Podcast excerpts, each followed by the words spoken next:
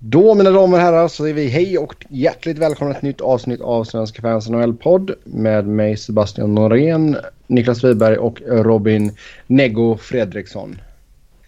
Vi ska ta och titta till konferensfinalerna. Vi ska även ta en titt på VM. Sen har det skrivits en del kontrakt och lite annat smått och gott när det kommer till nyhetsfronten. Och sen självklart så tar vi era lyssnarfrågor. Men först och främst konferensfinalerna och uh, ute i East så hittar vi Pittsburgh och Ottawa. Det står 1-1 i matcher där.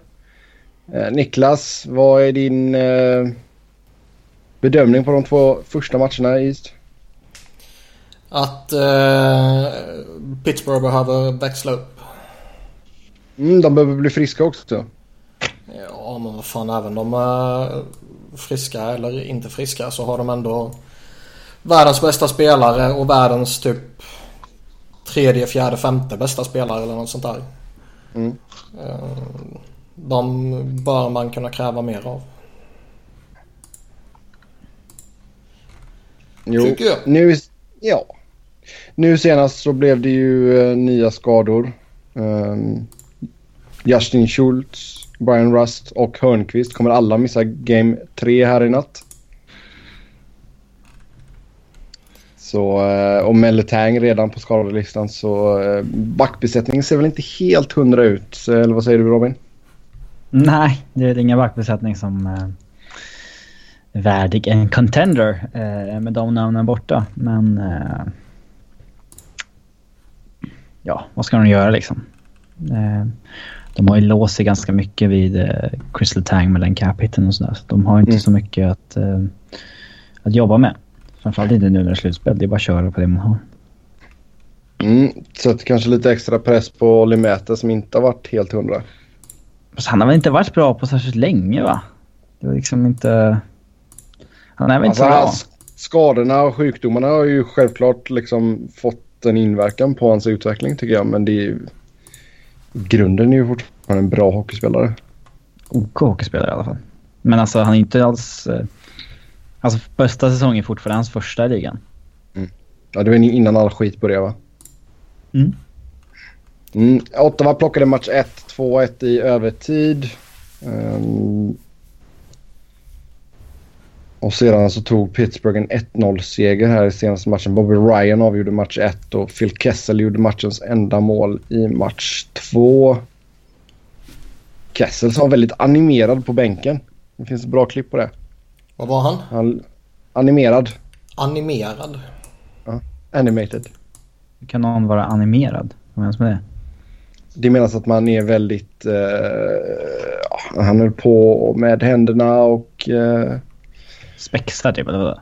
Nej, inte spexar utan han mer lekte lite coach liksom. Animators menar du alltså? Det är ju något ja. helt annat. Vad blir det då? Alltså animerad är ju att man är tecknad.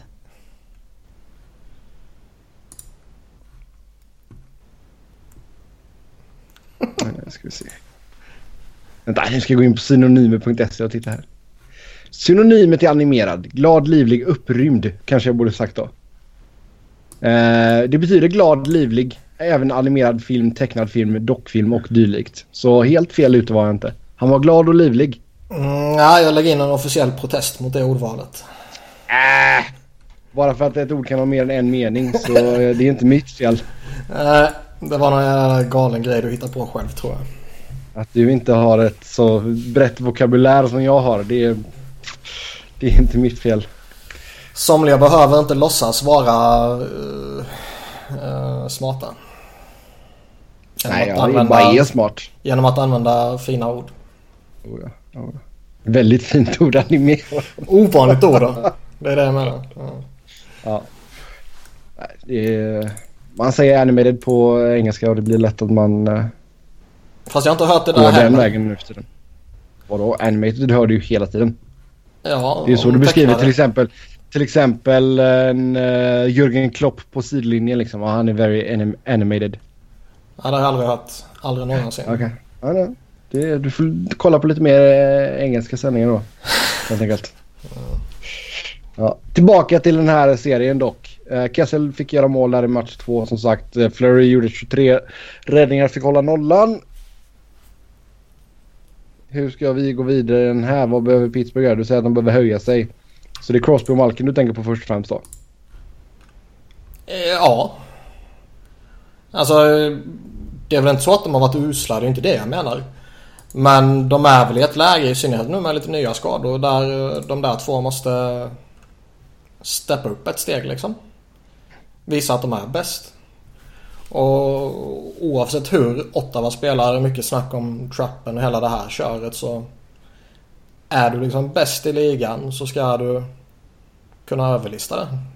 Mm. Vad har du att säga om deras trap? Jag älskar det. Eh, det är klart att det finns liksom mer roliga sätt att se. Men bevisligen så är den ju effektiv. Ja, man, det är ju så det ska vara. Att man eh, försöker matcha på varandras styrkor och svagheter och liksom... Det är vackert om ett eh, sämre lag kan slå ett bättre lag genom att stänga ner dem. Det... Alltså ska, ska Ottawa någonstans liksom starta någon form av run and gun show med Pittsburgh. Så kommer det ju bli jobbigt. Ja, då får ju Karlsson spela hela 60. Ja. Nej men då är, då är det ju verkligen bara han mot uh, en jävla offensiv i Pittsburgh liksom. Mm. Uh, om man överdriver lite såklart. Så det är klart de måste väl spela på ett sätt som ger dem störst chans att besegra Pittsburgh och det är väl på det här sättet då kanske. Boucher har ju gjort det tidigare så han kan det ju så att säga. Ja, absolut. Det ska bli skoj att se om typ uh, Haynes eller någon av nollorna i Pittsburghs försvar gör som Chris Pronger gjorde när eh, Tampa gjorde det mot Philly. Man bara står och väntar ut skiten. Mm. Ja, vi får se vad som händer fötter där i den matchserien. Game 3 alltså i natt. Eller så var den redan beroende på när ni lyssnar på detta. Men eh, trots skadeproblemen så får ändå så Pittsburgh ses som favoriter fortfarande. Tycker jag. Ja, det är väl givet. Hur många fler skador skulle det krävas? Skulle det kräva att Crosby och Malkin försvinner också? För att inte vara favoriter? Ja. Hur många? Jag vet inte. Det är svårt att säga. Då har de fortfarande Kessel. Jag menar han är ju... Han kan göra sina baljor liksom. Mm. Ja, ute i väst. Där har vi 2-1 i matcher till Nashville. Man plockade första matchen 3-2 i övertid. Sen förlorade man andra matchen 5-3. Och sen nu senast så tog man en 2-1 vinst på hemmais. Och... Eh, ja, det var en liten bisarr historia här som jag såg på Puck Daddy. Uh, när deras officiella sån här anthem-singer går ut och gnäller i tidningen. Att uh, liksom storstjärnor, det, Nashville är ju countrymusikens mecka. Att det kommer liksom storstjärnor och sjunger nationalsången nu under slutspelsmatcherna. Då grät han ut i tidningen. Tyckte det var orättvist. Ja, uh. Vem är du liksom? Här kommer typ Carrie Underwood och ja, allt vad de nu heter. Um, och liksom så går han ut och gnäller för det liksom.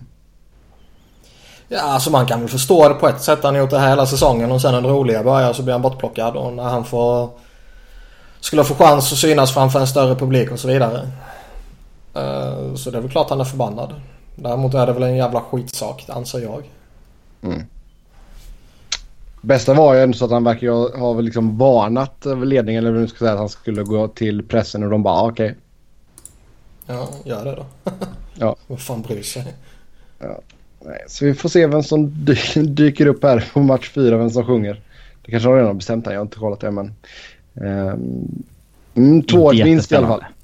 2-1 vinst i alla fall. Nej, inte direkt. Såvida det inte är typ Slash eller Metallica som gör det. Så, uh.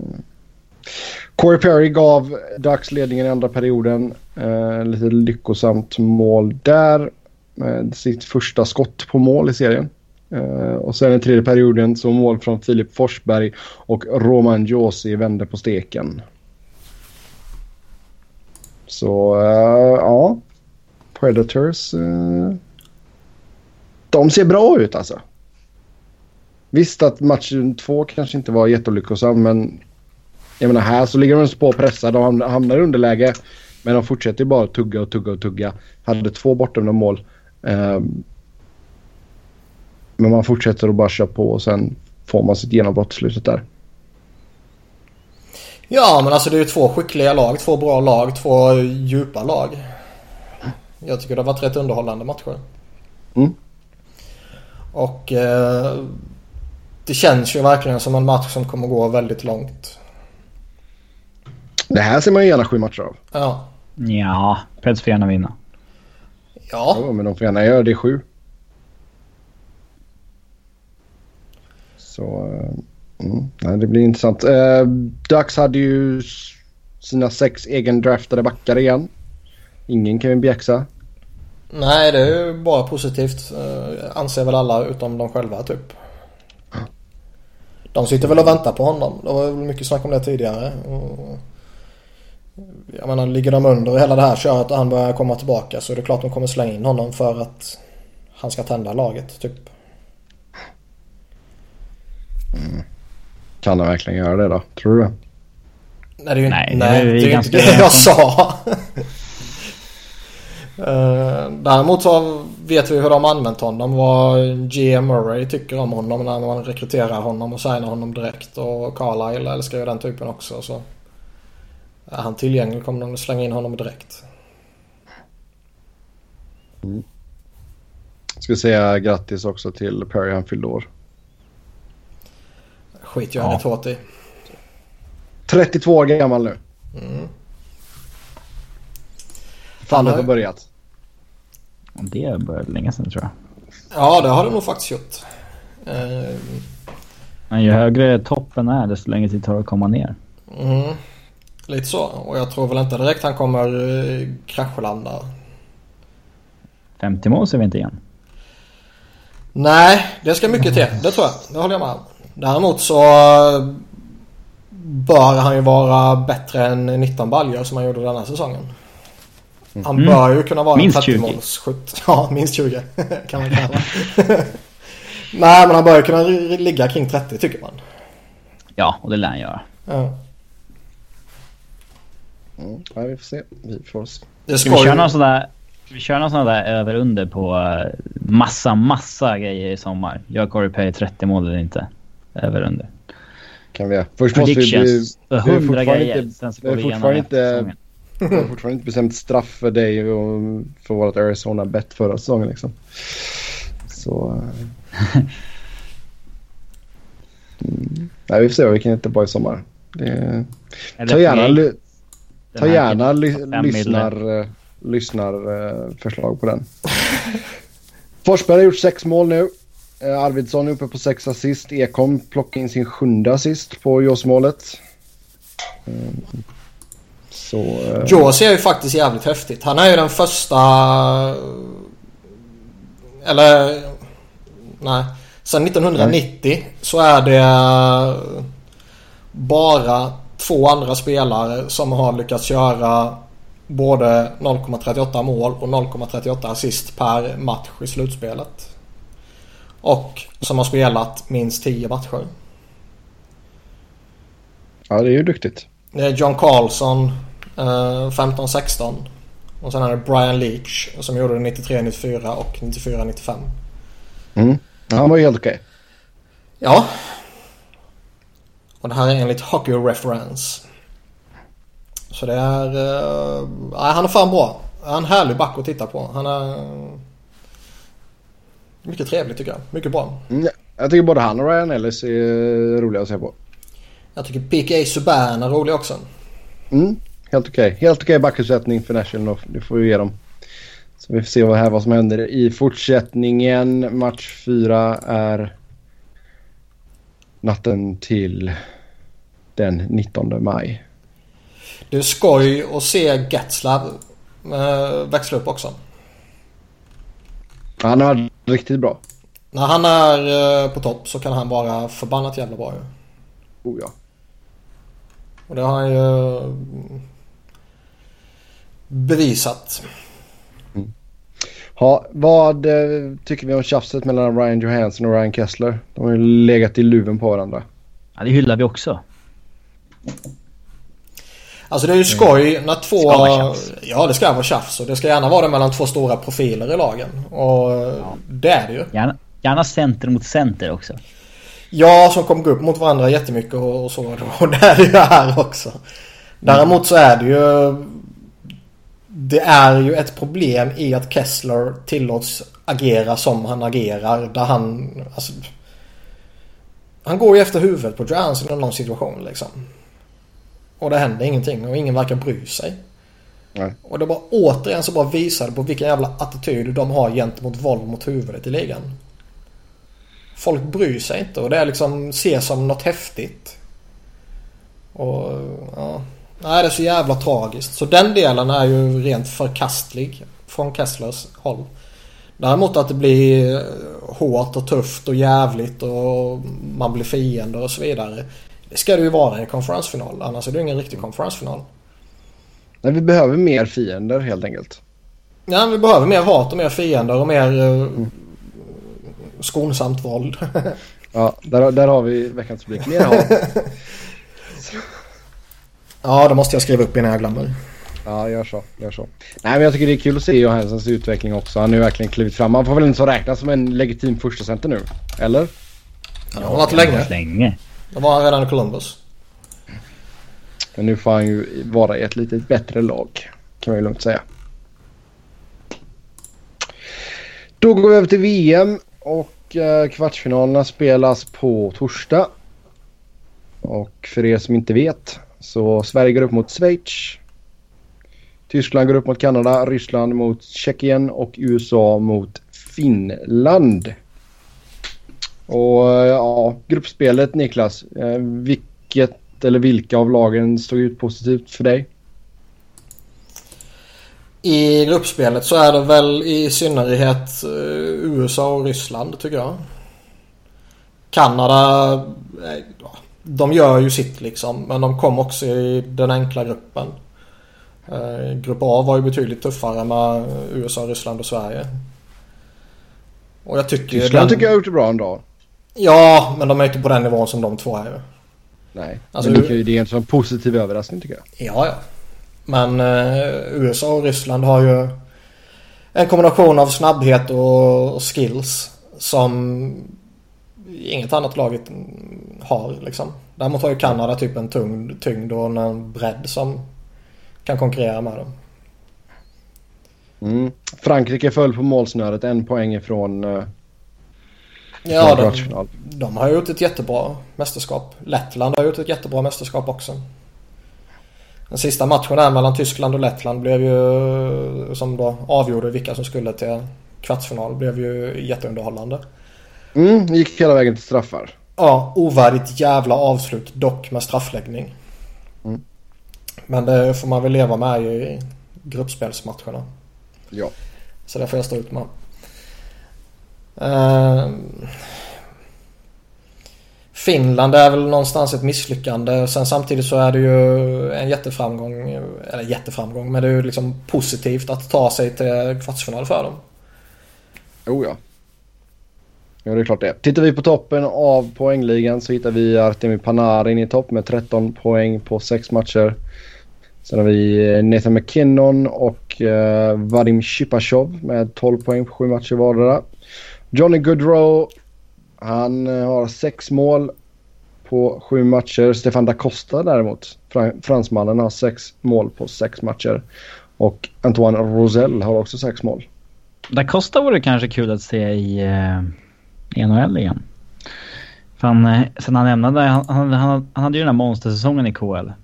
Sen verkar han ju vara skadad en del och så vidare. Men Ja. Fortfarande producerat rätt hyggligt. Det var ju Mm, vad var det jag att läste? i- Han hade 120, jag tror han hade, nu kan jag vara ute och snurra, men jag tror han hade 124 poäng på 133 matcher i KHL. Ja, han har bara gjort 94. Ja, man kanske räknar in slutspelsmatcher eller någonting. Ja, jag har gjort 96 poäng på 94 grundseriematcher i alla fall. Mm. Och det är ju bra. Japp. Eh, andra spelare som har stått fram, Clayton Keller har gjort fem mål för USA. Hade ju ett hattrick Ja. en match där. Och där har ju Arizona en guldklimp det är skoj med USA. Alltså de släpper, släpper fram unga spelare här nu mycket mot slutet. Och, och liksom det är inte så att de slänger in dem lite i en fjärde kedja bara och låter dem spela sju minuter per match. Utan de leder ju verkligen laget liksom. Uh, Clayton Keller som du nämnde har gjort flera mål. Dylan Larkin har varit jätteduktig. Uh, Noah Hannifin har liksom den backen de lutar sig mot. Uh, högst snitttid och så vidare. Och Jack Eichel är ju duktig. Johnny Hockey är ju faktiskt en av veteranerna i, i laget och han är 23 bast liksom. Ja. Uh, så det är skoj. Absolut. Jag kan tycka USA, de, nej, de förtjänar lite framgång. Mm. Mm. Bara de inte stöter på H71 så... Ja! ja. Hoppas de har tur med lottningen. uh, Robin, hur ser du på Nate McKinnon i Kanada? Jag har inte sett någon match de har spelat men... Uh, det är inte så förvånande att han har 12 poäng på, på sju matcher. Uh, men ja. Det båda väl gott inför kommande säsong men... Uh, Någonstans tycker jag ju att Kanada typ inte har gått fullt ut för det. Och ändå har de... Så känns det alltid med Kanada. Det är lite halvsemester när de spelar och åker på VM. Ja, i synnerhet i gruppspelet. Ja. Mm. Ja, eh, vad ska vi säga om Sverige då förutom att eh, Joel Lundqvist har bäst tekningsprocent i hela turneringen. Ja, sjukt överskattad eh, statistikkategori. Mm. Meningslöst. Och ändå är det det enda de sitter och tjatar om i tvn. Åh, viktig tekning, viktig tekning. Han är viktig för han är bra på tekningar. Och jobba hårdare, jobba hårdare, jobba hårdare, jobba hårdare, jobba hårdare. Det är de utvärderingarna som finns. Mm. Och det är inte mina utvärderingar vill jag påpeka utan det är de som sägs i TV. Då är då frågan, vad har vi mer att säga? Nej, de behöver jobba hårdare. Ja. Nej, men någonstans tycker jag väl att eh, Henke Lundqvist kom ju in och eh, det var nog väldigt viktigt att han faktiskt kom in så här pass tidigt. För första matchen han lirade så såg han ju inte alls bra ut. Han gjorde fortfarande några väldigt fina räddningar men han var ju jävligt vilsen i typ positionsspelet och hur han skulle agera och de flesta är väl medvetna om att det nog kan vara en rätt stor omställning för just en målvakt att komma från liten till stor rink och vice versa. Jo, det är klart. Sen såg han ju betydligt bättre ut i, i sista matchen här nu. Eh, även om allting fortfarande inte är perfekt. Ser Carl Söderberg fortfarande skitdålig ut eller? ja. Han håller, Colorado, nice. han håller Colorado-klass. Nice, mm. nice. Många av de andra Colorado-spelarna har ju faktiskt eh, gjort ganska bra ifrån sig. ja, han har varit skitdålig. Men... Uh... Uh, he helt ärligt så är han en sån där som när alla är friska och krya och tillgängliga så är det ju långt ifrån en säkerhet att han borde vara ordinarie. Ja. Nu är han förmodligen ett tillräckligt stort namn och, och, och liksom kommer från NHL och, och har lite stjärnstatus så sett. Så jag tror inte han kommer petas. Men om man bara tittar på prestationer så tycker jag ju inte alls det är orimligt att peta honom. Mm. Nej, Everberg går ju före liksom. Lätt. Vad sa du? Dennis Everberg går väl lätt före liksom. Ja, han har ju varit bättre. Mm. Och ja, han, jag vet inte hur det blev med det. Vi lär, finns det en chans att vi återser Everberg igen nästa säsong också. Jag har ju snackat om han ska till KHL. Ja. Han, uh, han har ju någon KL-klausul i sitt kontrakt med Växjö som han ska ha meddelat om att han uh, avser aktivera. Okej. Okay. Mm. Ja, det kan vara ett bra test för honom tror jag. Uh, vad har vi med? Alltså försvaret har ju... Jag tycker inte de har varit tillräckligt bra heller. Inte sett till vilka namn som är där eller? Nej, lite så. Alltså Hedman och Klingberg de blixtrar, och Ekman Larsson de blixtrar ju till och visar hur jävla bra de kan vara. Eh, men det sker lite för sällan med tanke på hur bra de är i grunden. Och fråga om det beror på att det liksom är svårt för dem att kliva in på stor is också. Trots att de fick träningsmatcher inför och hela det här köret. Eller om det är någon form av eh, system och taktik som gör att de kanske inte tillåts. Eller de har fått andra direktiv. Det vet jag inte. Men Eller att man är sjuk. Eh, ja, nu ska du inte försvara han in i döden bara för att du är kompis med honom. Men, för han har ju inte varit tillräckligt bra. Men det har ju ingen varit av backarna tycker jag. Förutom då Filip Holm. Men han får man ju... Eh... Han står över alla andra. eh... Men det, det går inte att bedöma han på samma premisser som man bedömer Viktor Hedman. Det är det jag menar. Däremot är ju Holm en väldigt trevlig överraskning så tillvida att han faktiskt... Eh, alltså tittar man på den backbesättningen så står han ju faktiskt inte ut som den sämsta backen. Vilket han borde göra om man tittar på vilka namn som är där. Det borde vara ett enormt glapp mellan honom och liksom Ekman Larsson och till och med Alexander Edler. De, ja, men det är det ju faktiskt inte. Jag tycker han har varit jätteduktig. Yep. Nu är det bara några få matcher i och för sig. Men, men det är ändå väldigt positiv, eh, positiva intryck. Mm. Uh, vi kör några snabba här då vilka som går vidare från kvartsfinalerna. USA-Finland. Vi har inte pratat om forwards. Ah, Okej okay då. jag vill vidare i körschemat i det. Kom ja, det skiter jag i. Vi ska inte skynda oss in till Manchester Uniteds match. Men grejen att Niklas Bäckström har kommit in och det är ju... För det första kan man ju säga att det är jävligt skoj att de sätter ihop honom med William Nylander. För där trodde jag faktiskt att de skulle vara så pass fördomsfulla och dinosaurieaktiga att de tycker att två sådana kreativa spelare kan man inte ha tillsammans. Mm. Men det är credit till dem för att de har satt ihop dem. Och de har ju fungerat mm. skitbra. Det målet de som... gjorde dem så... Mm. Vem har varit tredje länk där? Lindberg. Ja. Som tredje länk där. Och han gör ju det bra. Hade varit intressant att se Everberg kanske.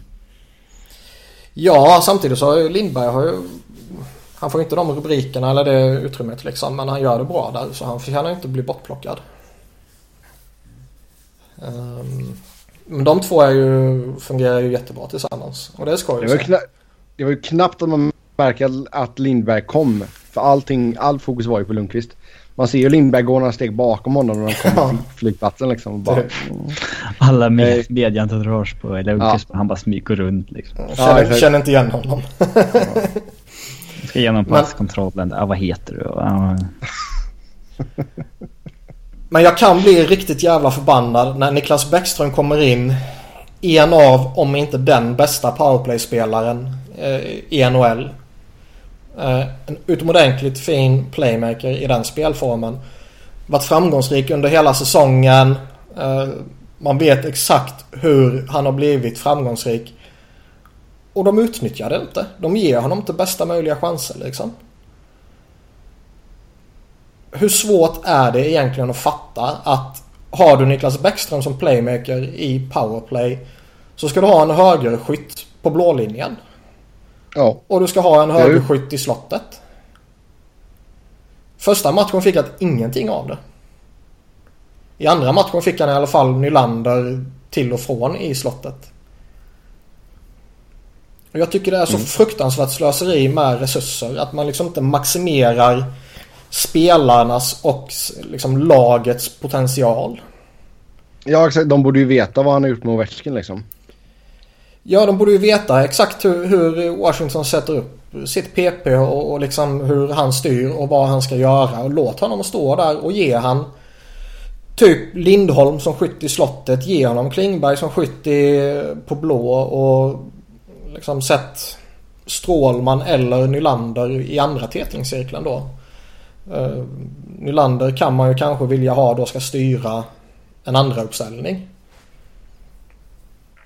Men liksom maximera chanserna för den extrema talangen du får in i laget.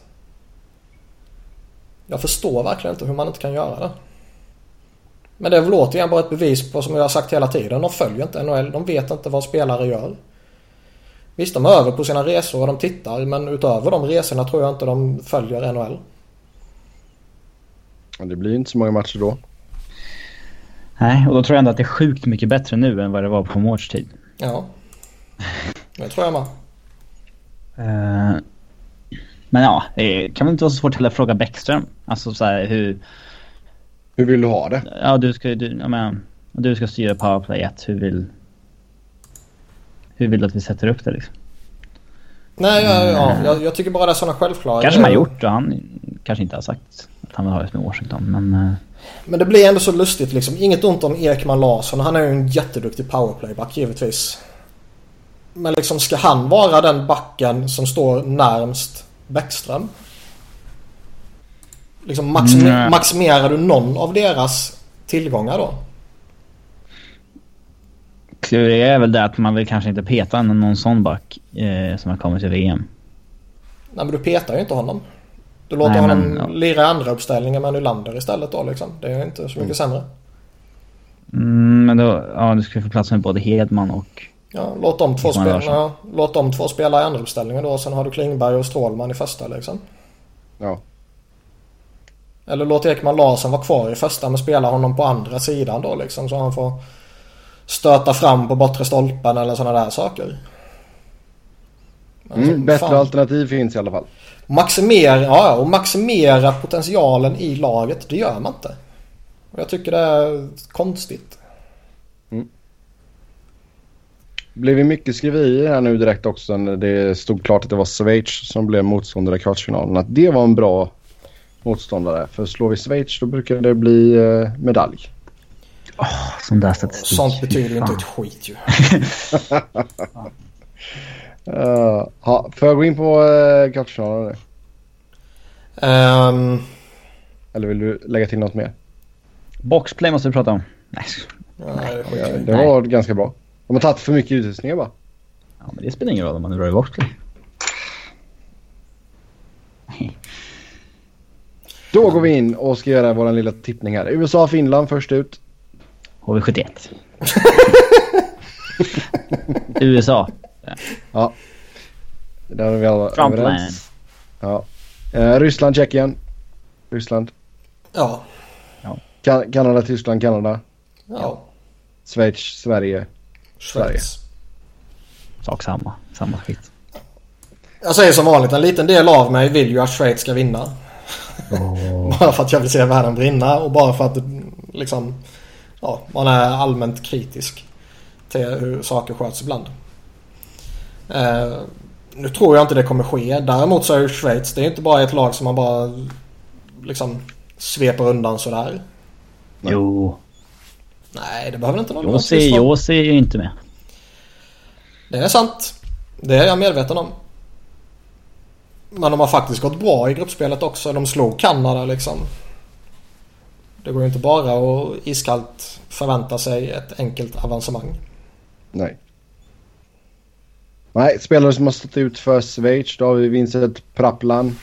Fyra mål, tre assist. Eh, Fabrice Herzog har varit rätt vettig också.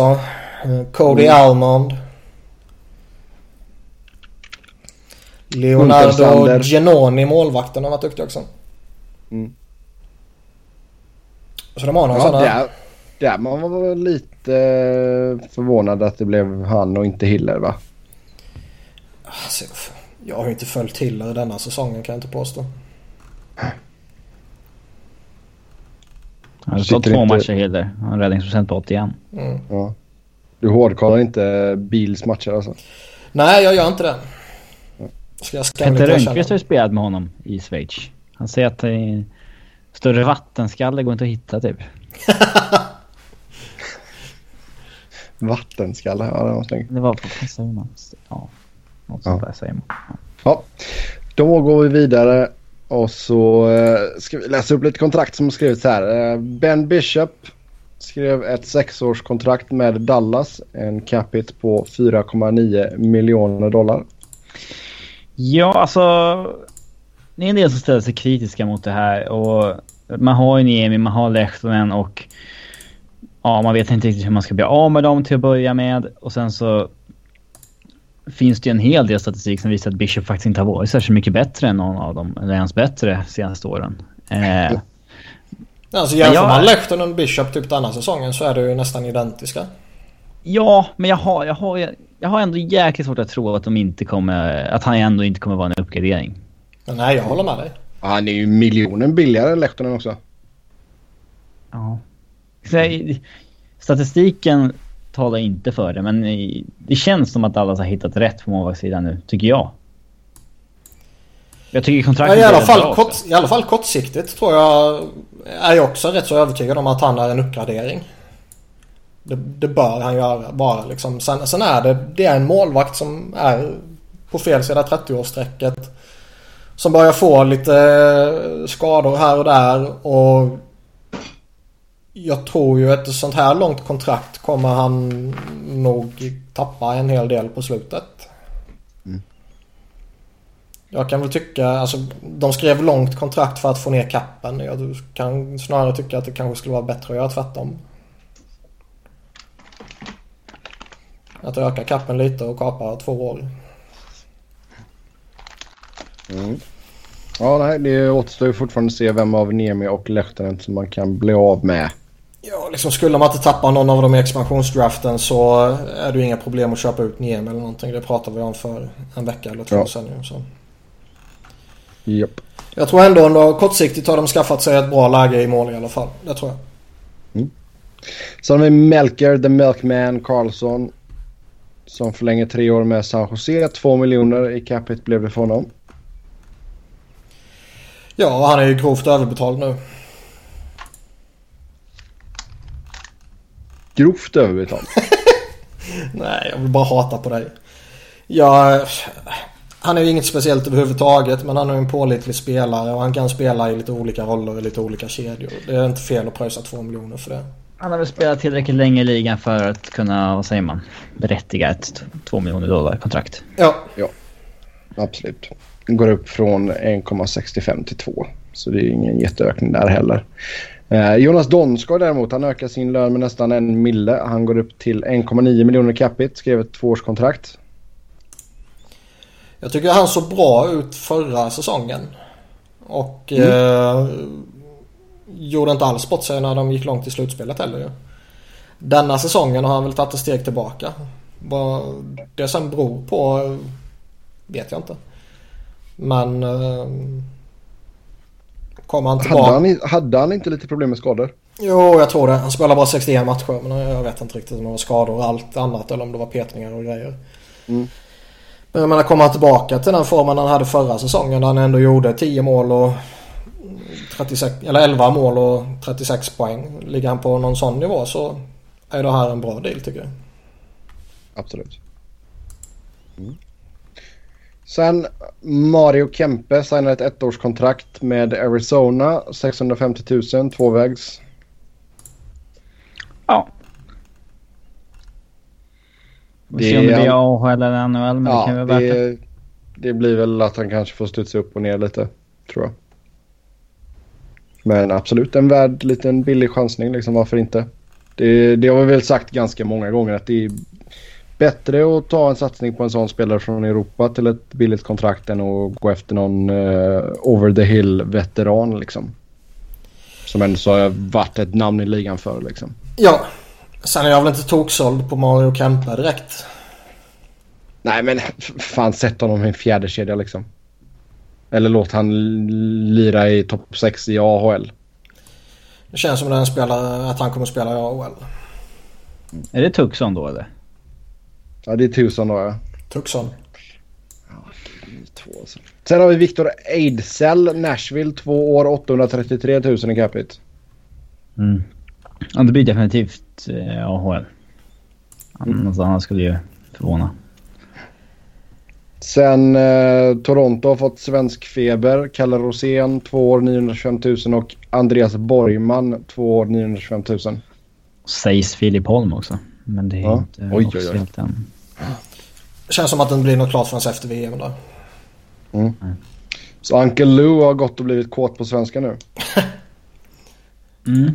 Nej men det är inte fel. Eh, Sverige fostrar jävligt många bra backar just nu och eh, man har ju inget att förlora på det liksom.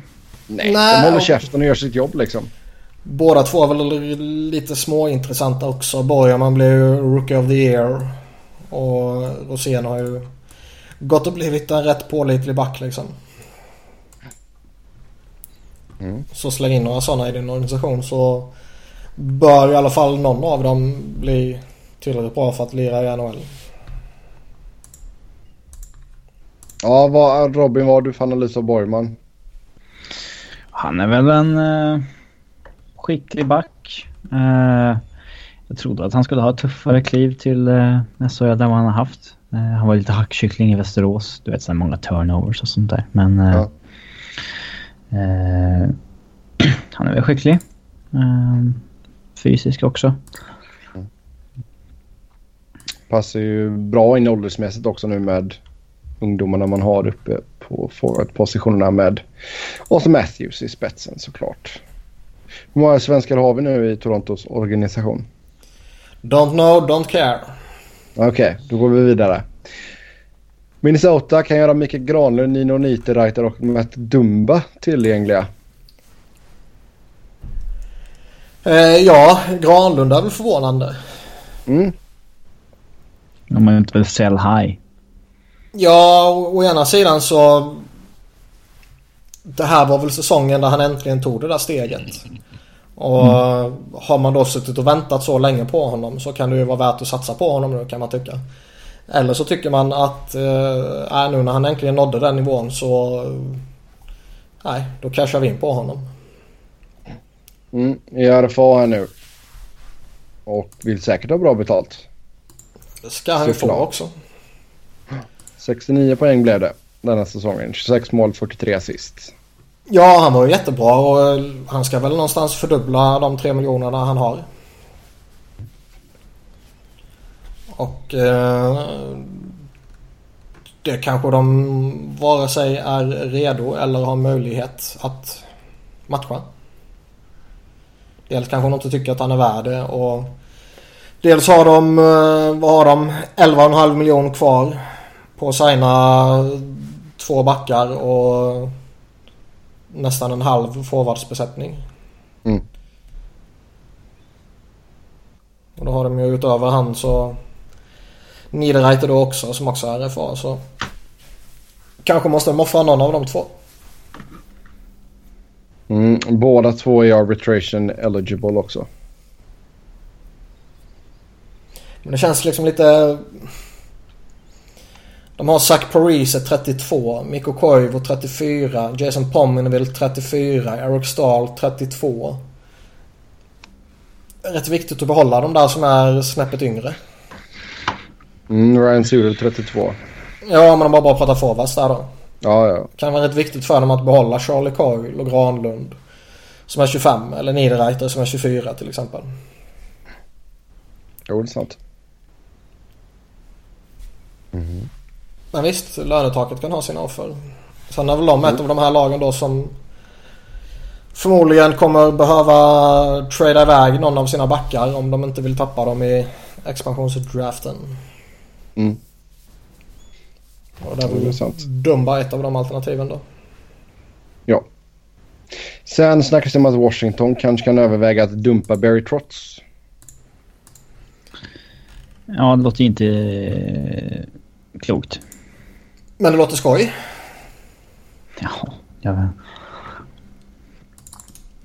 Det var ju någon som var inne lite på snacket att eh, när liksom tidigare coacher i Caps har gått emot Ovechkin. Alltså både Oates och Hunter försökte sig på saker. Så har ja. de fått kicken typ. Eller typ, de har fått, fått kicken. Men... Eh, och så kan man väl spåra det tillbaka till det då typ. Och nu är det någon som drar den kopplingen till Barry Trotz. Att eh, liksom... Går man upp Alla coacher har ju fått kicken. Alltså det är inte så här... Boudreau fick också kicken. Men det var ju... Han gick inte emot Nej men... Alla får kicken till slut. Ja, och det här är ju inte mina argument. Jag bara upprepar vad jag har läst ju. Um, jag tycker det skulle vara jättekorkat att sparka Barry Trotz. Oddsen på att man hittar någon bättre liksom. Nej, exakt. Och någonstans tycker jag väl att han ska ha skuld för misslyckandet. För det är ett misslyckande att Washington eh, inte gick bättre den här säsongen. Och jag tycker ju han har större skuld i det än vad Ovechkin har. Uh... Men det ska inte så här... Uh, det ska inte hållas emot honom att de var så bra i grundserien som alltså vissa gör. Nej. Nej. Uh, och som Robin sa, kommer man hitta någon bättre kan nästan garantera att man inte kommer göra det. Mm. Sen läste jag också några roliga diskussioner. Man tar ju liksom, det är väl gärna folk som jämför lite då hur, hur Caps har gått med Barry Trotz och hur Nashville nu går med Laviolette. Och, och så börjar ju diskussionerna då liksom, Aha, var det Barry Trotz som höll tillbaka Nashville? Att han liksom höll dem från att uppfylla sin potential. Och nu när de fick in Laviolette så har de bara exploderat. Det är inte så att jag tycker det eh, på något sätt. Men det är, eh, det är alltid roligt med sånt tugg. Och Barry Trotz som var extremt uppskattad eh, när han var där. Och jag tycker att han och David Paul har gjort det jättebra i Nashville i jättemånga år. Under eh, tuffa förutsättningar. Det är väl egentligen först mot de senaste åren här nu som man verkligen kan ha börjat bygga upp krav på Predators. Eh, men det är ju inte så att Laviolette liksom direkt lyfter dem till oanade höjder. Utan det är ju först denna säsongen som det har kommit igång för dem. Mm. Och vägen in i slutspel var ju inte direkt spikrak för dem. Nej. Frågan är ju alltså vad, vad, kan man, vad kan det tänkas vara för potentiella ersättare till Trotz också om man nu bestämmer sig för att dumpa honom? Ja, Ja. fan vet jag. Man kan, man kan inte längre slänga ut sig Guy Boucher som jag gjorde mellan 2012 och 2015 typ. Eller 2016. Uh, Men Det kommer säkert bli någon till som är tillgänglig under eh, liksom till sommaren och det finns några sådana här vettiga som är assisterande coacher och sådana grejer men jag håller Barry Trotz jättehögt. Tittar man i ligan så är det väl en handfull coacher som skulle kunna vara bättre än honom och ingen av dem kommer ju få kicken. Han är i topp 5. Ja, Sen St. Louis nämns som en bra destination för Jordan Eberle. En bra destination eller en En bra möjlig destination. destination? eh, nej som en logisk destination typ. Att det där skulle han passa in bra. Vad skulle då gå i utbyte till Edmonton är frågan. Det är så jävla svårt. Någonstans... Vad ska man säga? Om de fick liksom Adam Larsson för Taylor Hall. Så borde ju inte Eberle ge något superutbyte direkt. Nej. Sen är det ju, vi har pratat om det tidigare, det är ju inte relevant att, att dra den traden som någon form av eh, riktlinje för hur det ska se ut. Men jag skulle inte bli ett dugg förvånad om liksom i trade-diskussioner att den någonstans traden nämns som något ursprungspunkt på något sätt. Nej, alltså speciellt inte om det är Edmonton som ringer runt till andra lag också. Nej, typ. Sen tycker jag väl att... Eh, vi pratade lite om honom förra eller om det var förra, förra veckan, jag minns inte. Men... Eh, varför ska man offra han liksom? Är det för att man vill eh, kapa den sista pusselbiten som är lite den här förlorar eh, eran representerar den. Det var väl Taylor Hall och han då. Mm. Eller behöver man skapa sig löneutrymme vilket är en fullt legitim anledning. Med tanke på Ja. att McDavid och Dreisaitl ska ha nytt. Mm, och det kommer kommer bli många, många miljoner där. Ja, vi kommer till den. Vi har fått in en lyssnarfråga här. Um, Detroit kopplas samman med Calvin DeHaan. Och sen är ännu en back som det nämns att Islanders kanske inte vill exponera i expansionsdraften och då kanske man byter bort dem med någon istället.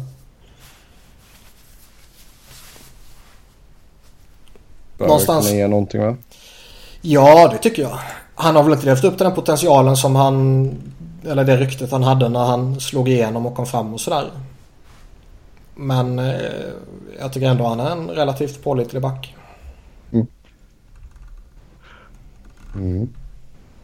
Där behöver ju Detroit hjälp. Ja, de behöver hjälp överallt. Mm. Uh, Nel Jakobov vill inte återvända till uh, KHL. Eller han vill inte lämna NHL för KHL. Är han värd att chansa på för ett NHL-lag? Ja, det är väl till rätt pris. Vad är då den magiska siffran för dig Robin? Om du skulle ta en chansning på honom? I ett år skulle jag väl inte ha några problem att betala ja, upp till 2,5-3 miljoner för honom om man hade de, eh, alltså löneutrymmet. Mm. Det är intressant att se lite vad Blues kommer göra med honom. Uh, han har ju RFA-status nu om man är intresserad av att behålla de rättigheterna eller om man bara är redo att dumpa honom. För det känns som att hans framtid i Blues bör ju vara väldigt begränsad. Oh ja. Ja. Där gjorde han väl ingen lycklig. Nej. Men jag håller med Robin. Det är också en sån här spelare jag skulle kunna tänka mig att chansa på för någonstans 2-2,5 miljoner på ett ettårskontrakt. Um, någonstans finns det fortfarande en potential och trots att det känns som att han har varit med hur länge som helst så är han fortfarande bara 23 år. Mm. Så det kan man väl värt att chansa på. Ja. Ja, sen... Vi pratade lite tidigare om Stefan de Costa och det sägs ju att flera NHL-lag är intresserade. Ja, och eh, som vi var inne på tidigare så har han gjort det bra i KHL, varit lite skadedrabbad. Eh, han var ju inte någon superstjärna så när han var i Ottawa direkt kan man ju inte påstå. Däremot var det väl en, en bra spelare på AHL-nivå. Och det är ju som alltid när det kommer till KHL och vad man kan utföra i NHL att det är så svårt att avgöra. Eh, liksom väldigt begränsade spelare hamnar där och blir jätteframgångsrika. Och kommer tillbaka, funkar inte alls och så vidare. Vissa spelare lämpar sig bättre på liten rink eller stor rink och det där snacket eller ja, vissa funkar inte i, i ett visst land, i en viss kultur och så vidare. I synnerhet kanske om man inte pratar språket så jättebra.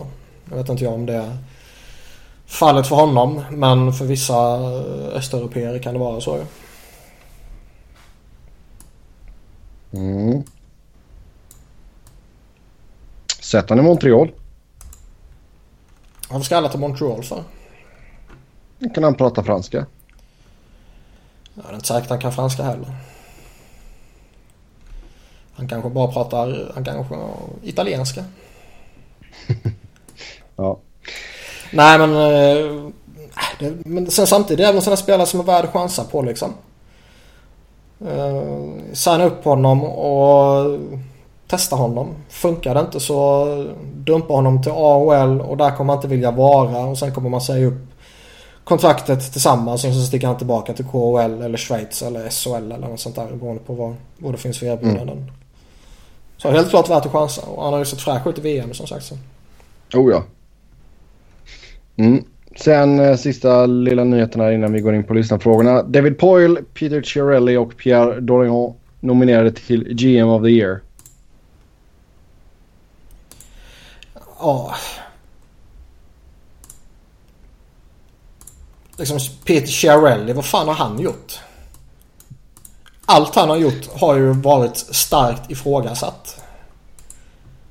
Från Taylor Hall-traden som är idiotisk till Milan Lucic-kontraktet som är smått galet till Chris Russell som eh, ett år bara men ändå liksom. Han är ändå alltid omdebatterad. Det enda han har gjort är att haft flyt att vinna draftlotteri. Ja. Han har inte gjort något annat som faktiskt förtjänar beröm. Ska man hyllas för det? Nej, det ska man inte. Det är det poängen. Bara grattis, du vann ett lotteri. Ja. Um... David Poyle då? Ja, han är väl den enda på listan här som faktiskt har... Uh... Han har gjort något stort som har fått positiv effekt liksom. Ja. Det krävs stake för att göra den traden han gjorde. Oh ja. Även, även om liksom... Jag tror att alla vi tre är överens om att det var korrekt liksom. Att de fick den ja. bättre spelaren. Så ja, är det ändå en jävligt stor grej att göra. Ja, även om, om det hade varit vi som var GMs där så är det ändå så här... Okej, okay, man måste ändå säga, kan vi verkligen göra det här utan att liksom få begängspöde? Liksom? Ja, och liksom någonstans, vi har pratat om det tidigare, man har investerat så helvetes mycket pengar i Shea Webber med tanke på hur dyra de första åren på hans kontrakt var. Så att mm. det är liksom, du kanske måste få din chefs tillåtelse liksom. Ja, nu slösar vi bort de här dyra åren och nu vill du dumpa honom liksom. Ja, men sen så, det är också... Alltså han har gjort en del dåliga grejer. Han har ju tradat för Veron Fiddler och eh, Cody McLeod under året också. Jo, men, men det är ju småskit eh, liksom. Men... Eh, en GM bedöms ju inte på ett år heller. Det här är ju ett resultat av att han har agerat smart under ett par år. Ja. Um, Seth Jones mot Ryan Johansson också, så stake. Uh, och bara titta på det laget. Det är väldigt välbyggt lag. Men jag tycker alltså den, eh, den traden har de ju också, alltså om man tittar på det nu så har de ju inte vunnit den också kan jag tycka. Ja, det gick bra för bägge. För jag menar där har de ju ändå så fått in, där pluggar de ändå så in ett hål som de behövde liksom. En ordentlig första center. Ja, men de bytte ju bort någonting de hade ett överflöd av mot någonting som de saknade. Mm. Så det är klart det var en jättebra trade för dem. Seth Jones har ju däremot gått och blivit jättebra. Oh ja. Så det är inte så att han har misslyckats i sitt nya lag. Nej. Så det var en win-win för alla känns det som. Mm. Uh, ja. Dorian har liksom, vad fan har han gjort? Anställde väl Guy Boucher och en ledning som har lyckats bra liksom. Uh, Visst han ska i och för sig få beröm för Zibanejad Brassard. Ja. Klart han inte ska. Han gör den traden. Han tar in Alexander Burrows. Han skriver nytt kontrakt med honom direkt liksom. Uh, så röstningen till det här priset sker efter andra rundan. Och det mm. märker man ju. Ja. Jag vet inte vad jag ska säga. Det är också sån här jävla lustig... De får ju bara cred för att de har gått långt i slutspelet typ. Mm. Men vi skulle alla tre ge det till David Poyle i alla fall. Ja, han är Ja, de andra två som borde vara utmanade, eller utnom... Vilka andra, de andra två som borde vara nominerade kan man ju diskutera snarare. Mm. Ja, vem hade du velat ha med på shortlisten här? Mm. Mm. Ja, den är klurig. Kanske... Jim Bunning. Nej. Nej. Nej men... Uh... Någonstans måste man väl typ berömma Uncle Lou.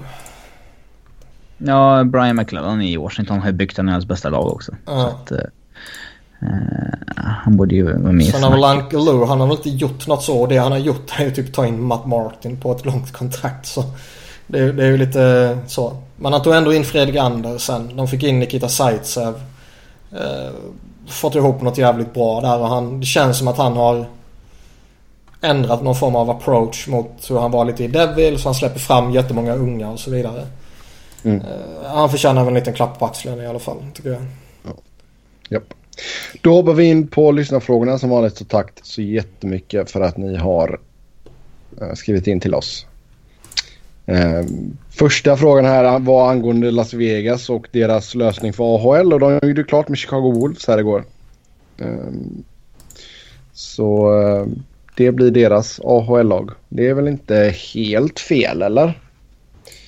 Vad kan det, vad kan det vara mellan Chicago och eh, Vegas? Vet ej. Det intressanta här är väl snarare att Blues tappar sin, eh, eh sitt farmarlag men på något sätt kommer fortsätta eh, samarbeta med Vegas och eh, Chicago. Mm. Och skicka ner några av deras spelare där typ på något sätt. Ja. Ja, ska vi se. Det är en flight på ungefär tre och en halv timme. Så det är inte så farligt. Nej, men det är tillräckligt långt för att det kan bli jobbigt om du behöver göra något kvickt. Mm. Sen visst, kommer man in så som Vegas gör så kan man väl inte välja och vraka direkt. Nej. Då får man kanske ta lite vad som finns. Eh, Från början gick det ju rykten om att eh, innan det blev klart då med ett riktigt farmarlag så gick det ju rykten om att de eh, skulle kunna placera ut sina spelare lite överallt typ. Att det blev att de eh, antingen hade de ett samarbete med fem olika klubbar och har kunnat placera ut dem där eller så med flera eller sådär. Mm. Och då är ju det här en lösning som är att föredra. Oh ja. För du kan ändå... Man kan ändå påverka ett lag på det här sättet när man går in i ett långt eh, samarbete. Eh, jämfört med vad du gör om du har en... Eh, en spelare i det laget, två spelare i ett annat lag, en annan spelare i ett tredje lag och så vidare. Mm. Mm. Vi kollar lite mer på AHL senare i sommar då de har ny divisionsindelning och lite andra lag som får nya AHL-lag för bland annat Devils och Senators. Ehm, nästa fråga här är till Robin. Kommer Mironov att ta en plats i Avs nästa säsong? Hur stor är hans chans? Vet att det är svårt att förespå KHL-spelare. Räknar med honom som en av sex backar i alla fall. Men det är jäkligt svårt att bedöma vilken nivå de där håller backar från KHL liksom. Eh, Jag kan absolut tänka mig att han är skitdålig liksom. Hans uh, huvudstyrka är ju att han är brutalt fysisk i sitt spel. Många låga tacklingar på folk. Eh, eh, men eh, han kanske är en effektiv defensiv back. Det vet man inte Mm. vi se. Det är ingen poängmaskin direkt i alla fall. Nej. Om Senators slår ut Pens bör inte Boucher ses som bästa coachen i ligan då. Det ska inte vara möjligt att gå till final med ett så dåligt lag. Ja, man kan inte bedöma, alltså... Alltså det beror på vad man menar lite med bäst i ligan. Alltså menar man bara den här säsongen så är det väl i så fall relevant. Menar man någonstans i ett större perspektiv, vilket jag tycker är mer eh, intressant, så tycker jag ju inte han kommer i närheten av de här som ja, Barry Trotz-gänget om vi pratar där då. Där Babcock och Coach Q och Tortorella. Julien. Ja, med Laviolette kanske. Uh, någon till som jag säkert glömmer.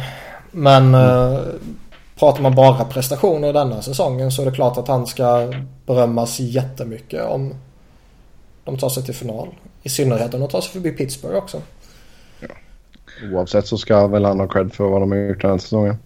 Jo. Ehm, diskutera om det är möjligt att vinna Stanley Cup när din målvakt är din bästa och dyraste spelare. Utgå ifrån Rangers och Montreal Canadiens.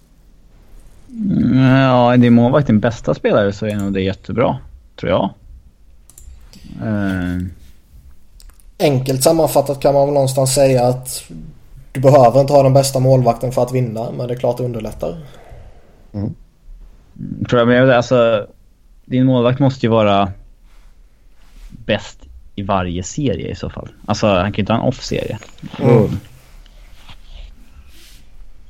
Och tittar man på just de två lagen som...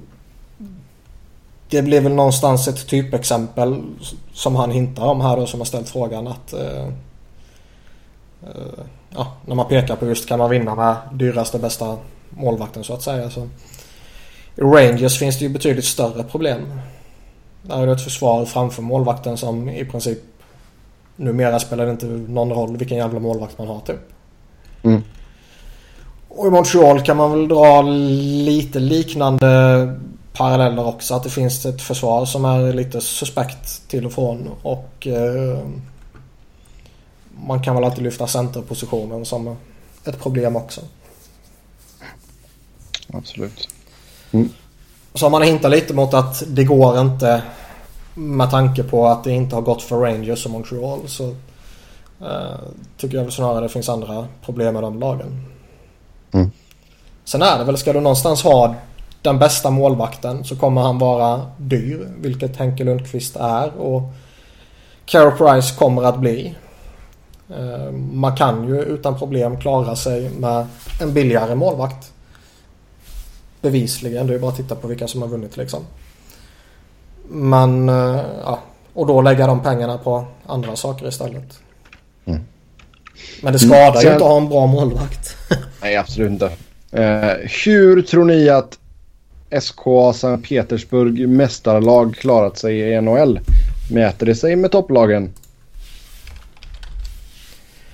Om HV kan slå USA. kan eh, Sankt Petersburg ta sig till slutspel i NHL? Väldigt svårt att säga när man inte följer KHL särskilt uh, noga. Alltså kollar man bara på deras lag så... Anton Belov har ju faktiskt gått och blivit jätteduktig.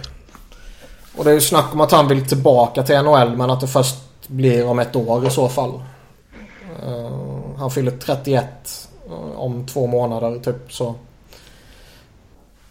Jag vet inte om man ska vara så jättekåt på honom direkt då. Nej. Men nu är han ju bra. Uh, Slava Vojnov är en hemsk människa men en duktig back. Och Mm. han skulle ju vara en, en toppback i många NHL-lag. Oh ja.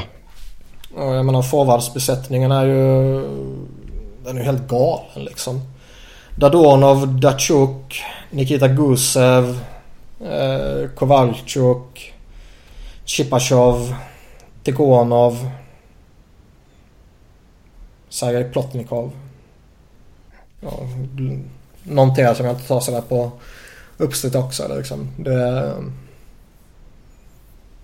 om man bara tar toppspelarna så tror jag nog de skulle kunna göra det bra liksom. Mm. Det är svårt. Igor eh, Sjestjorkin. Stor reservation för det där uttalat. Målvakten, den unga, är ju duktig också. Så där har de det väl ställt. Ja. Ja, vi... Eh, vi kommer aldrig få se det hända. Tyvärr. Men... Alltså den, den närmsta man kommer det är väl typ om Vegas signar upp hela jävla högen. Mm, det har varit intressant. Eh, de har fått Chipachov. Det går ju rykten om Dadonov. Eh, Nikita Gusev är Tampa Bay draftad och har eh, om jag fattar saken rätt har han skrivit nytt kontrakt med dem som är ännu bättre och mer betalt och så vidare. Kovalchuk vet man inte riktigt vad som händer med. Eh, Slava Vojnov får väl inte komma tillbaka såklart. Anton Belov ville vara kvar ett år till. Eh, ja, unga Ja. spelare som tillhör andra organisationer och så vidare. Men, eh, där har ju Vegas möjlighet att fynda om de vill lämna KHL för NHL. Oh ja, oh ja. Och på tal om Vegas, nästa fråga här. Om mer än tre svenskar går till Vegas, hur stor är sannolikheten att svensk media skriver här är nya svensklaget och kryddar med resetips för Vegas? Den är extremt stor. Det är 99,999 procent.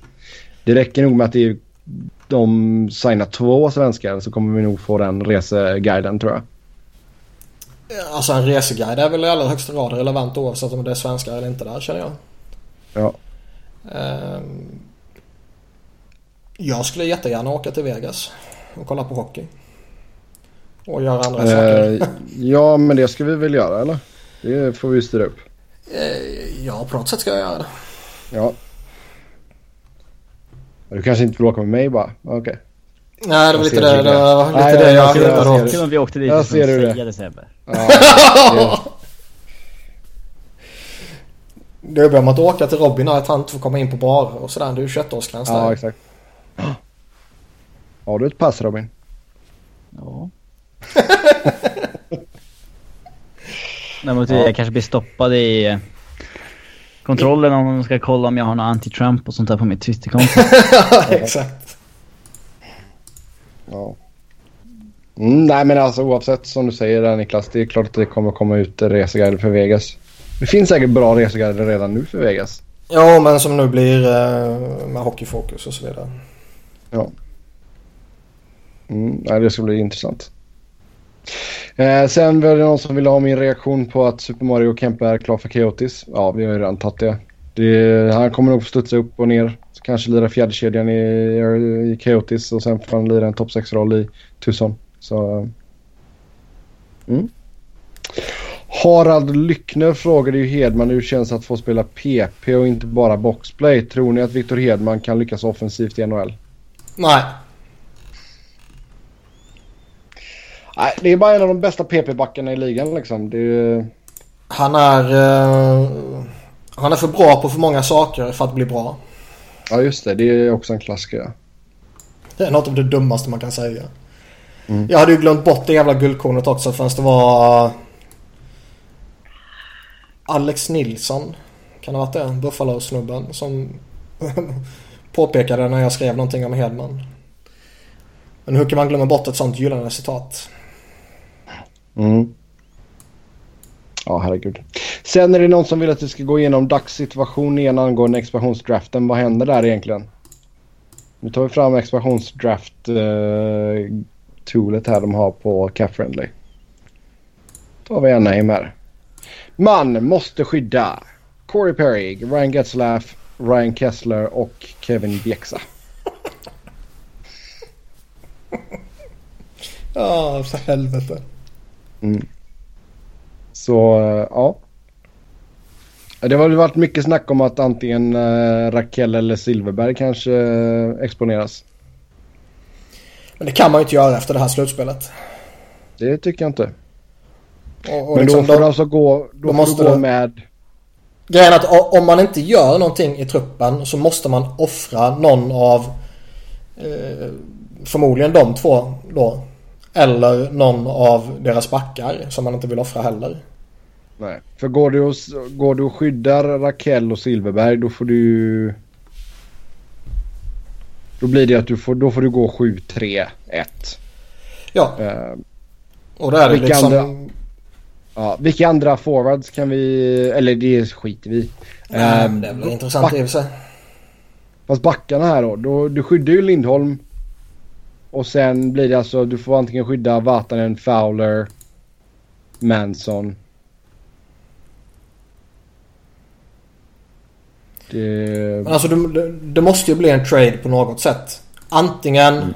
en trade där du skickar iväg liksom Raquel mot ja, Pix eller någonting. Eller mot uh, spelare som undantas. Som är exempt. Ja. ja. Eller så måste du dumpa någon av backarna mot motsvarande liksom. Mm. Man kan väl köpa ut DXA om man är frisk. Ja, fast det är väl ingen som räknar med att man vill det. Jag tror man kan vilja det i expansionsdraftens syfte. Mm, kanske.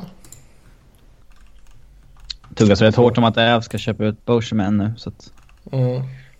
Ska vi se. Vad skulle han kosta att köpa ut? Ska vi se. Bjäxa.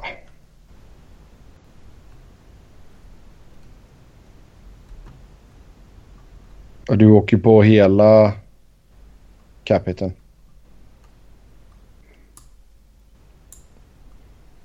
Ja, det får man ju ta. Ja. Alltså det är bättre det än att uh, tappa en Vatan eller någonting för ingenting. Jo, jo herregud. Uh, däremot så är jag inte så övertygad om att de faktiskt vill göra det. Men det får man väl kanske en indikation på vad de gör i slutspelet här när han är tillgänglig igen. Mm. Men om vi säger att... Man kan ju alltid göra en trade med Vegas också att eh, ja, ja, vi exponerar Raquel men ni tar honom inte och så får ni det här istället. Mm. Men hur gör man annars? Säg att man köper ut Bjäxa då. Kör, ja. du fortfar kör du fortfarande att du skyddar... Du får, måste ju fortfarande skydda tre backar endast då. Du får fortfarande gå 7-3 eller? Man kan väl skydda en Josh Manson då kanske? Men alltså hela grejen med att, för att, hela grejen med att skapa sig utrymme är ju för att kunna skydda Rakell och Silverberg. Om du köper ut honom liksom. Mm. Så jag har ju svårt att se att man köper ut Kevin Bjäxa, skyddar fyra backar och har kvar samma problem med Rakell och Silverberg. Mm. Nej men alltså, men då blir, kan du ju fortfarande bli av med Manson menar jag. Eller Fowler. Ja, ja, men jag blir hellre av med Manson än vad jag blir med Fowler. Mm. Och Manson håller jag högt. Han är lite underskattad och klart kompetent back så, men han är inte på den nivån. Mm.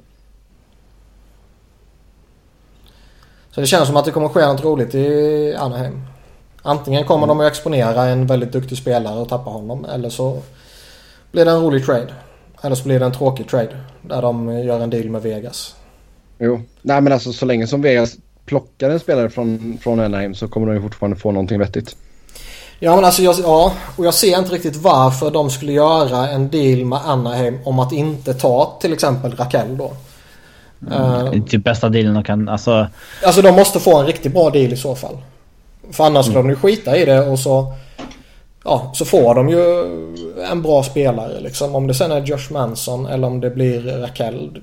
Det får ju framtiden utvisa i så fall. Men det känns väl som att en bra spelare kommer vara tillgänglig från Anaheim. Mm. Alltså Silverberg eller Raquel kommer ju ändå vara en av de bästa spelarna de kan ta. Ja, Så där, där krävs ju något rejält för att man ska nobba det. ja. Ja, det är sant. Ja, sen eh, hur kommer Flyers försvarsuppsättning se ut om tre år Niklas? Eh, ja, Andrew McDonald. Ja, han är kvar då. Två år kvar. ja, det är klart han kommer vara. Nej, det tror jag inte. Alltså, ja, det beror på. Han har ju tre säsonger Tre kvar år, nu. alltså. Han har ju tre säsonger kvar nu så det beror på om man menar det tredje året Säsong. eller om man menar efter det tredje året. Om vi spolar fram tre år nu. Alltså, eller... Om man menar säsongen... eh, Säsongen 2021. Okej, ja, då är jag Ja. inte kvar. Nej, då är han ju borta ju. 19, 1920 är hans sista så det beror på vilken av de säsongerna Ja. man menar. Ja. Om man inte får förlängt. ja. Eh, och lite löneökning på det också. Ja, och vi säger 2021.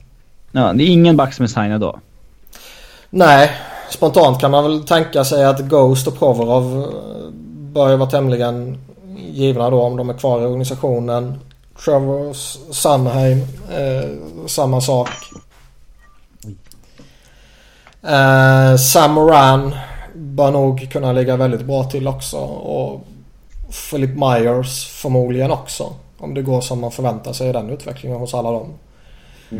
Sen om det är Robert Hägg. Nej, sen om det är Robert Hägg som är den sista eller Radko Gudas får ett nytt kontrakt också. Han blir också UFA innan den säsongen. Eller om Brandon Manning sitter på ett nytt kontrakt eller liksom Kevin Shattenkirk kanske signas eller någon annan back signas om två år. Det är ju skitsvårt att säga.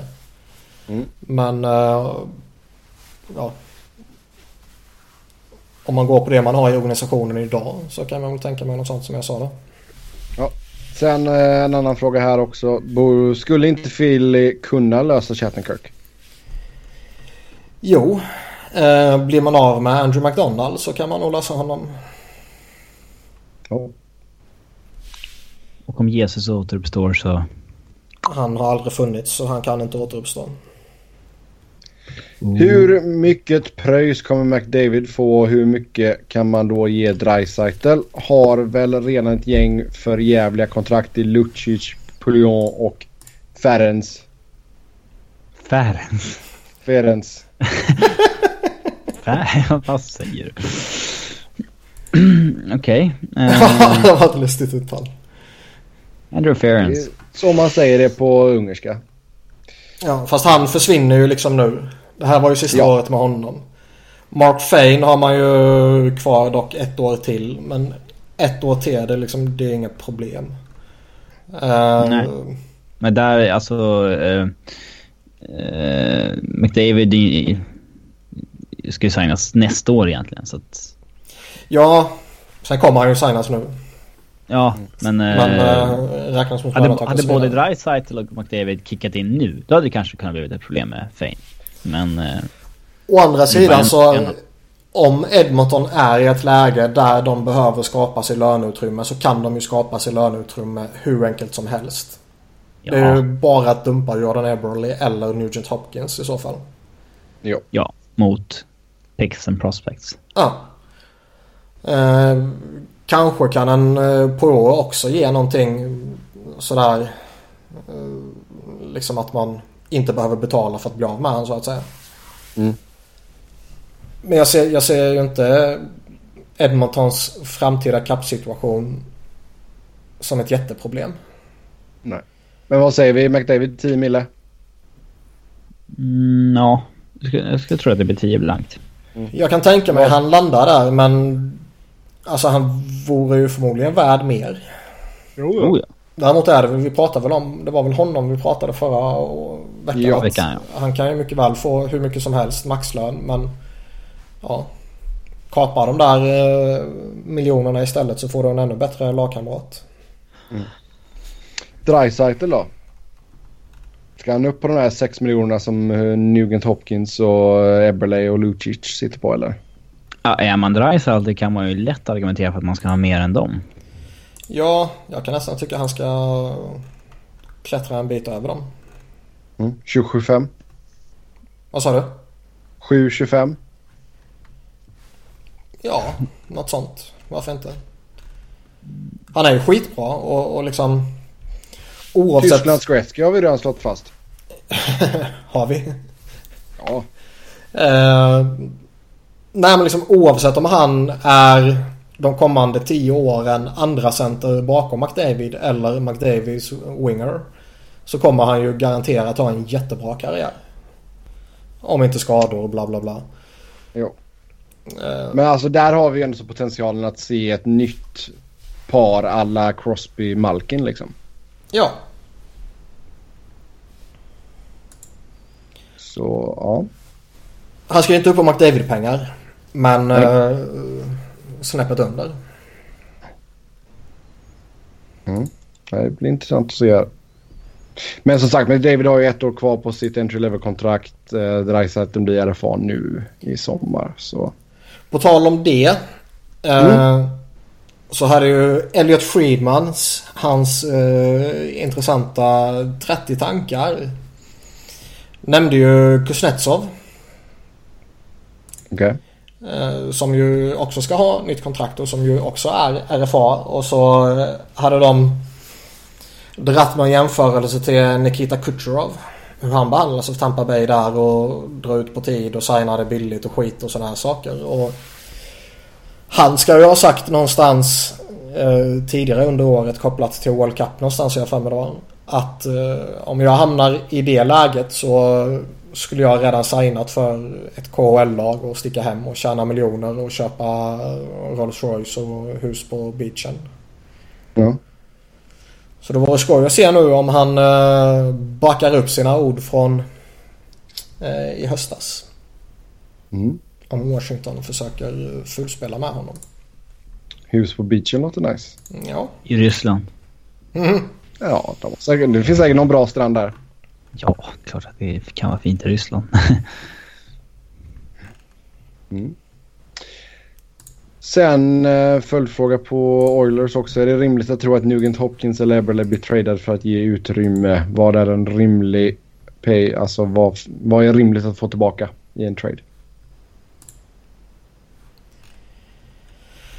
Alltså båda två är rätt svårutvärderade tycker jag. Känner du att båda två är överbetalda i dagsläget? Alltså jag tycker väl Nugent Hopkins tycker jag är en rätt duktig center. Sen är det klart att han bör ju göra mer än drygt 40 poäng. Eh, Dels har han potential för det och dels kanske kontraktet säger att han ska göra det på något sätt. Mm. Eh, Eberle har ju... Alltså gör han som han gjorde tidigare där han ligger strax över 60 poäng som han gjorde två säsonger i rad där och på den nivån så då får man väl typ betala de 6 miljonerna plus minus lite till. Men jag, jag, kan inte, jag kan inte påstå att, någon, att det är något jätteproblem med, med de två liksom. Däremot vad de är värda i en trade är ju tämligen skitsvårt. Det känns lite som att om Edmonton skulle göra Eberle tillgänglig så att säga. Så tror jag eh, det kommer vara en dålig trade för dem. Så, Mm. så att vidare att man kanske inte får vad man hoppas och tror man skulle få typ. Nej. Och lite kopplat till det vi pratade om tidigare där liksom att den dåliga traden de gjorde i somras kommer ju alla försöka uh, lura på dem igen. Jo. Jo, det är klart. Om man är något sån här intelligent liksom. Ja, herregud. Lowballar dem för fan. Kör bara. Uh, vilket är det sämsta laget att ha vunnit kuppen sedan lönetakseran? Ett enkelt val är väl att säga Keynes, men var inte Anaheim Ducks året efter rätt oimponerande också? Det var ett lag som hade Niedermayer och Pronger första par. Mm. Ja, eller varsitt par. Mm. Och kan du ha liksom de två på 60 minuter. Uh, ja, då är det rätt jävla värdiga vinnare tycker jag. Och då, eller bra lag rättare sagt. Uh, Så Keynes då? Los Angeles. Men sluta nu. ja, alltså. Kanske 11-12 laget i alla fall.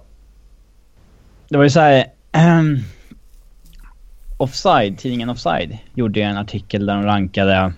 De sämsta Stanley Cup-vinnarna. de, stäm, de sämsta äh, SM-guldvinnarna under 2000-talet. Äh, det är ju 16 vinnare liksom. Och då ringde de upp en från varje lag som var med och sa Vi rankar ert vinnarlag på den här platsen, vad tycker du om det typ? Och jag menar, alla tycker att sitt vinnarlag tillhörde i alla fall de typ tre bästa som har vunnit under 2000-talet. Ingen tycker att så här, ja men jag kan nog erkänna att det var en rätt svår, dålig upplaga av Allsvenskan det året liksom. Mm. Eh, och det är väl samma sak här. För övrigt kul att de rankade Bayern som sämsta vinstarlaget.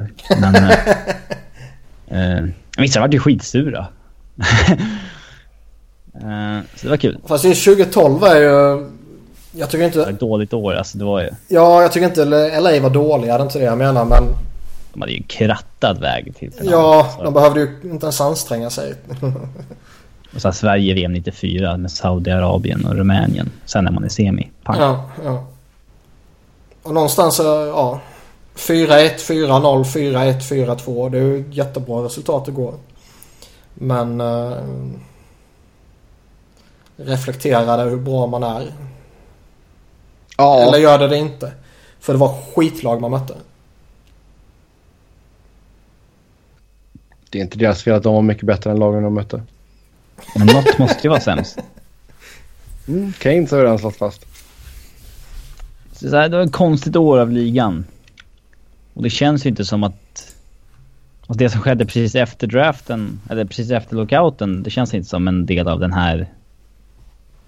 Ja... Nej, det var... Längre. Det är så jäkla länge sedan. Den säsongen var så sjuk också på alla sätt och vis. Alltså scoring var ju sjukt inflated liksom och... Edmonton var så helvetes dåliga men Chris Pronger var så helvetes bra och tog dem på egen hand till final liksom. Ja, titta hur det gick för några av de som ledde det Edmontons laget sen liksom. Ja. Det är helt sjukt hur dåligt lag de gick till final med. Uh, så att... Uh, ja, det är definitivt inte Pittsburgh eller Detroit. Det är kanske de bästa lagen där som vann. Om vi snackar uh, 08 och 09 tiden där. Mm. Boston var ju ohyggligt starka också. Uh, Chicago 10 var ju djupa som fan.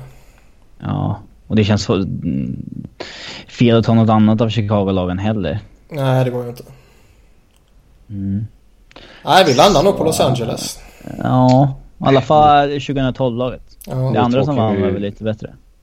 Dra och hänga nästan. Det, an det, andra var ju inte jätte, jättebra heller med liksom... Nej, det är nog näst sämst. Ja, när Gaborik går in och är liksom Conn Smythe. Alltså... Ja, det är ju inte det bästa laget. Nej, näst sämst.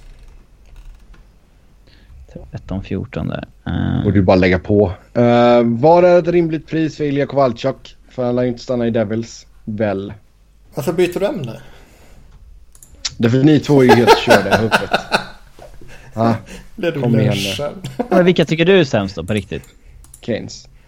Ja, men... Okej, okay, ja, men om, om vi exkluderar dem från diskussionen för att det året var så crazy. Du måste ju säga någon som är sämst. Du säger inte att de var dåliga men vann. Alltså... Men någon måste ju vara sämst.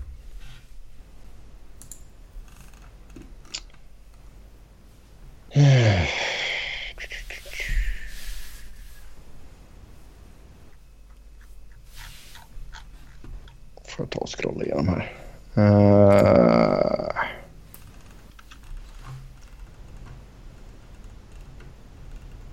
Då säger jag ju dagslaget såklart.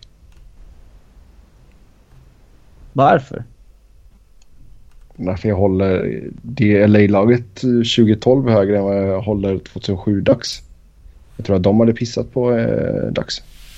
Men det var ett lag som hade Timo Sellene Ja. och hade den yngre generationen.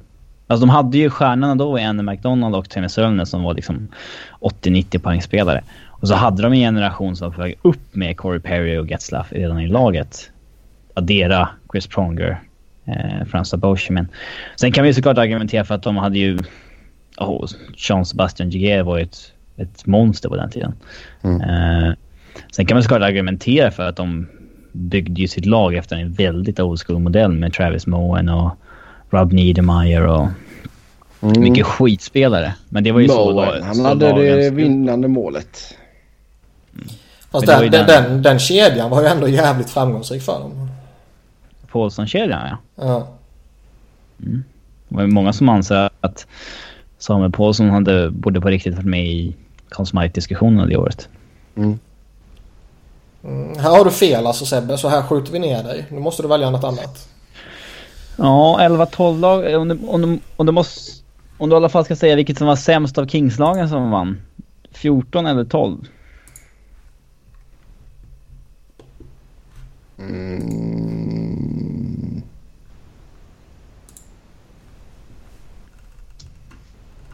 Så hade Rangers vunnit mot Kings det året hade ju Rangers-laget varit det sämsta. För de hade egentligen bara Henrik Lundqvist. Å andra sidan så... De tog sig förbi Pittsburgh liksom. De tog sig förbi Montreal. Tog sig förbi Philly. Det är det. Ja, imponerande. Ja. Alltså jag tycker det var en stor bedrift i sig att de gick som åttonde sid eh, och vann. Om det 11-12. säger väl en del. Men det är ju ingen Alltså som det- talar för dem. Det imponerande med LA det året är ju inte det utan det är väl snarare att de gick tre stycken eh, sju matchers runder så att säga. Det, det talar väl snarare emot Kings. Att de var åttondesidade i, i grundserien och sen så tvingas det gå till sju matcher. Jo men du fattar ändå vad jag menar. Eh, Ja, det är klart att det är, ja, det är väl imponerande att vinna Ja. avgörande matcher såklart. Men det säger väl en del om att laget kanske inte var superbra. Man, Ja. man, man var typ en slantsingning från att åka tre gånger. Å, an- å andra sidan har vi sagt exakt tvärtom förra året. Mm. om vad då? Nej, att eh, det, det gick lite för lätt för dem. För lätt? Ja, alltså... Vad var det? 4-1, 4-0, bla bla bla. Bestäm er nu. Vad menar du? Alltså om Du säger- du säger att- 13-14-laget eller vadå? Ja, du säger att en var för lätt och en var för... eh, jag vet inte Nej. vad. Jo. Men så, s- att de hade svårigheter med dåliga lag i slutspelet 2012 talar väl ändå emot dem? Men sen säger du att det talar emot de 13-14 också för att var, då var det för lätt. Det har jag inte sagt. Jo. Att de mötte King, eller att de mötte Rangers i en final. Eller vadå? Nej, Vi nej kom- alltså vi kommer ingen vart. 2012 pratade vi om att eh, var, man, var det så jävla bra årgång på den eh, västernhalvan när LA, ja, med tanke på vilka de gick upp mot. Ja, men det talar väl också emot dem, inte för dem. Nej, exakt. Men jag har tagit båda ytterligheterna och vänt emot dem. Det, Exakt. Jag, jag Så håller, jag kan ju inte vinna här. Så nu skiter vi i detta. nej, du kan bara förlora. Alltså är du med på att LA 2012 är det sämsta Stanley Cup-laget någonsin genom alla tider. Ja, ni två alltså. Vad är då ett säger- rimligt pris för Kowalczyk? Nu går vi faktiskt Om vi säger att Kings är det sämsta och liksom ser även förbi lockouten. Hur långt bak måste vi gå innan vi hittar ett lag som var sämre som vann? För det är ändå väldigt starka Detroit-lag och annat där bakom. Så det kan fan vara det sämsta på riktigt länge. Ja, Tampa var bra som fan. Colorado, Detroit, New Jersey var ju bra dessförinnan. Dallas det året när det funkar för dem var ju faktiskt heta. Uh, Pittsburgh när de vann två lag idag ja, där. ja. Rangers kände ju som att de hade något på gång 94. Kanske 93 med Canadiens. Mm. Kings är alltså sämsta cupvinnande laget senaste... Det blir 30... Nej, inte 30 åren. Det blir eh, senaste 25 åren. Ja. Så det är veckans rubrik. Robin, du är sämsta människan de sista 18 åren. Kings uh. sämst, sämst senaste 25 åren. Åh oh, gud. Kowalczyk, rimligt pris. Kom igen nu. Det måste jag skriva upp. Uh, ja... Kowalczyk. Um... Alltså det beror på lite vad man... Det känns som att hans cap hit bör ju variera något fruktansvärt om man får ett år eller om man får typ tre, fyra år. Ja men nu handlar det väl om vad Devils kan få utbyte va? Jaha, missuppfattar jag det då? Ja. Vad kan Devils få för hans rättigheter? Uh... Alltså finns det något man kan jämföra med överhuvudtaget? Nej. Nej, att det inte finns någon som gjort exakt som han, det vet jag också. Men alltså... Någon annan veteran som man på något sätt har haft någon rättighet till liksom. Det blir väldigt konstigt eftersom eller någon sån där, han, någon, han inte vill alltså, spela i Devils. Då, de, de har inget leverage egentligen. Alltså lev leverage... De spela helt men de, de har inget att tjäna på att säga nej. Nej, i, syn i synnerhet. Får, liksom. Nej, i synnerhet inte som han gratis om ett år. Skulle de haft rättigheten att äga honom så att säga forever. Så skulle de kunna vara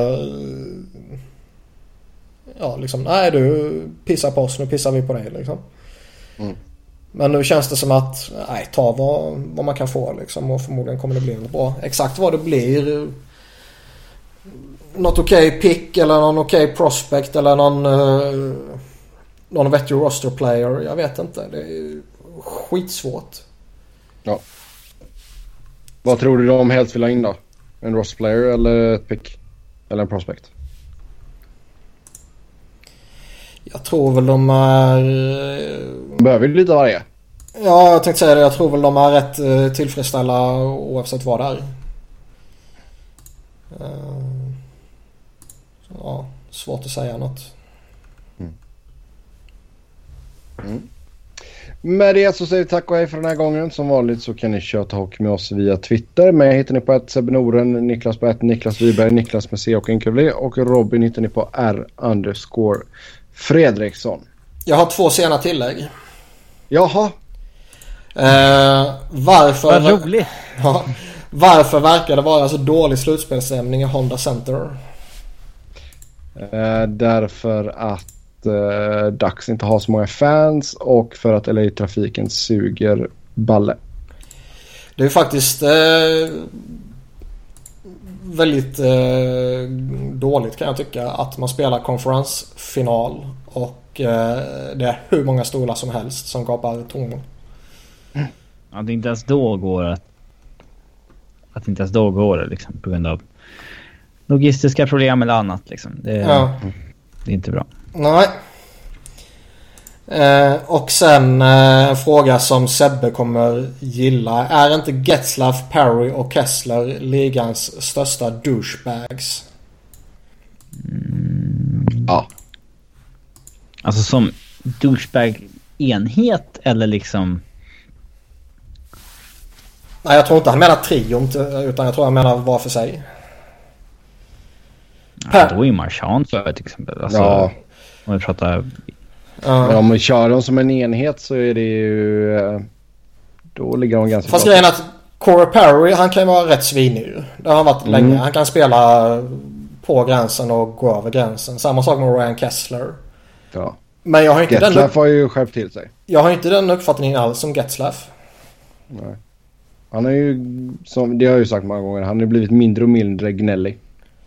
Fast gnällig är du en douchebag för Var att han du är gnällig. gnällig? Det Liksom. var ju bara en Nej, det är match man någonting inte. du reagerade på. Uh, Sebbe som är crazy igen liksom. Men uh, gnällig. Är det samma som douchebag? Nej, det är det inte. Nej, jag, jag skulle inte sortera en Getzlaff i en sån kategori. De två andra är väl rimliga såklart. Mm. Däremot ligans största, nej. Det är svårt. Det finns alltid spelare och så kan man veva in massa olika eh, saker. Av de som är kvar i slutspelet så kanske de är topp två, Kessler och Perry. James Neal är ju ett jävla svin också. Mm. Och Viktor Arvidsson. Ja, med det så säger vi tack och hej. Vi hörs igen snart. Ha det gött, hej.